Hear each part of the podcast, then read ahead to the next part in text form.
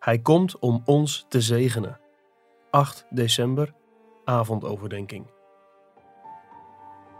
Mozes heeft tegen de vaderen gezegd: De Heer uw God zal voor u een profeet laten opstaan uit uw broeders, zoals ik. Naar hem moet u luisteren in alles wat hij tot u zal spreken. En het zal zo zijn dat al wie niet geluisterd zal hebben naar deze profeet, uit het volk uitgeroeid zal worden. En ook al de profeten vanaf Samuel en zoveel als er daarna gesproken hebben, hebben deze dagen aangekondigd. U bent kinderen van de profeten en van het verbond dat God met onze vaderen sloot toen hij tegen Abraham zei: En in uw nageslacht zullen alle geslachten van de aarde gezegend worden. God die zijn kind Jezus heeft doen opstaan, heeft hem eerst naar u gezonden, om u hierin te zegenen, dat hij ieder van u zou afbrengen van zijn slechte daden. Handelingen 3, vers 22 tot en met 26. Dit gedeelte leert ons dat God Jezus op het toneel van de geschiedenis plaatste om de mensen te zegenen. In uw nageslacht zullen alle geslachten van de aarde gezegend worden. God zei tegen zijn zoon in de hemel: De tijd is vervuld. Ik heb zegen beloofd.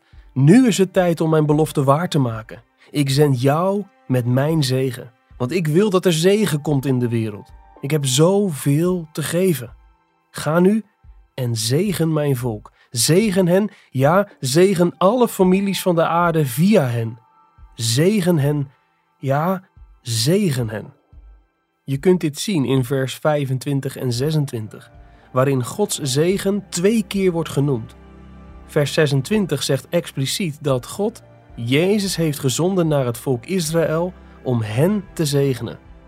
Als er staat dat God hem eerst naar Israël heeft gezonden, betekent dit dat hij de zegen daarna naar anderen zal zenden. Vers 25 maakt duidelijk dat dit Gods bedoeling was in het verbond dat hij met Abraham sloot. In jou zullen alle geslachten van de aarde gezegend worden. Zegen voor de Joden en daarna via hen, via de Joodse Messias, zegen voor alle volken. Daar hoor jij ook bij. Daarom zeg ik tegen jou dat God in deze adventstijd met zijn zegen naar jou toe komt. Je wordt genoemd in vers 25. Het maakt niet uit dat er al 2000 jaar zijn verstreken. Bij God zijn duizend jaar als één dag. 2 Petrus 3 vers 8. Voor hem is het alsof hij deze belofte nog maar twee dagen geleden heeft gedaan. Zo recent is deze zegen op dit moment voor jou. Als je in geloof naar hem toe gaat, zul je die zegen ontvangen. Daar draait het kerstfeest om de grootste zegen.